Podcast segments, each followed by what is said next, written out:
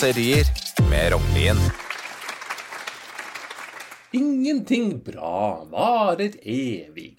Som for eksempel det herlige 80-tallet. Det varte bare i ti år, det.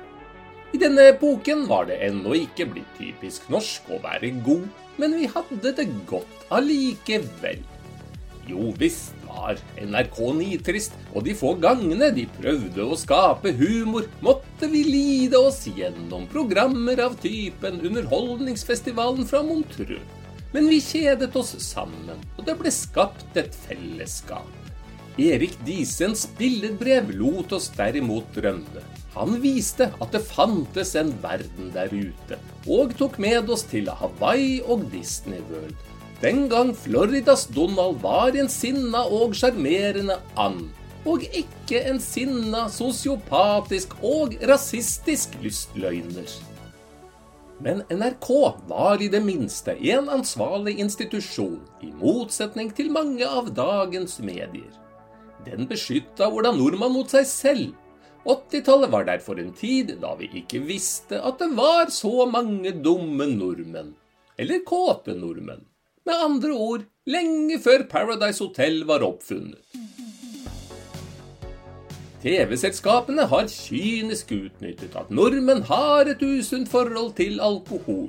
Når Ola og Kari får gratis sprit, blir vi som kameler som endelig når oasen etter 30 dagers vandring i ørkenen.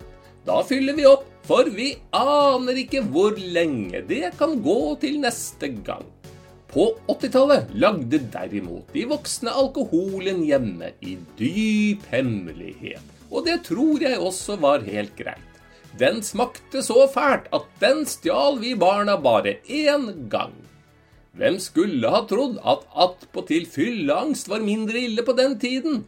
Da måtte vi ringe til venner på morgenkvisten for å bli fortalt alle de flaue detaljene. I dag kan stakkarene bare åpne Snapchat eller TikTok, hvor alt er filmet og delt med én million mennesker.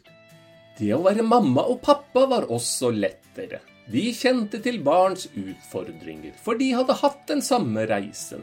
Nå går utviklingen så fort at mye som er nytt for barna, er også nytt for foreldrene.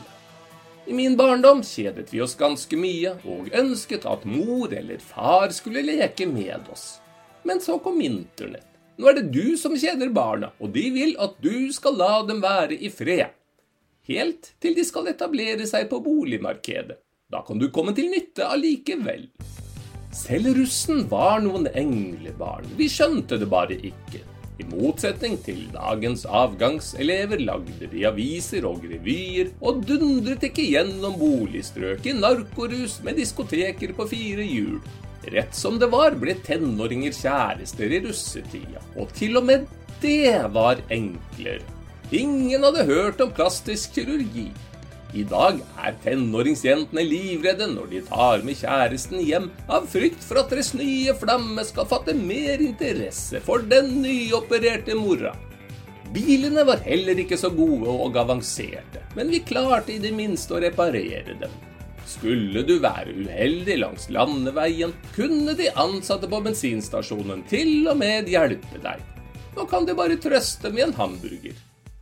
Til 200 kroner. Hadde du flaks, hadde du plukket opp en evenyttig haiker langs veien, for i det tiåret kunne man gjøre slik, uten frykt for å bli voldtatt. Det verste som kunne skje for 40 år siden, var innbrudd. Da kom politiet eller lensmannen hjem til deg.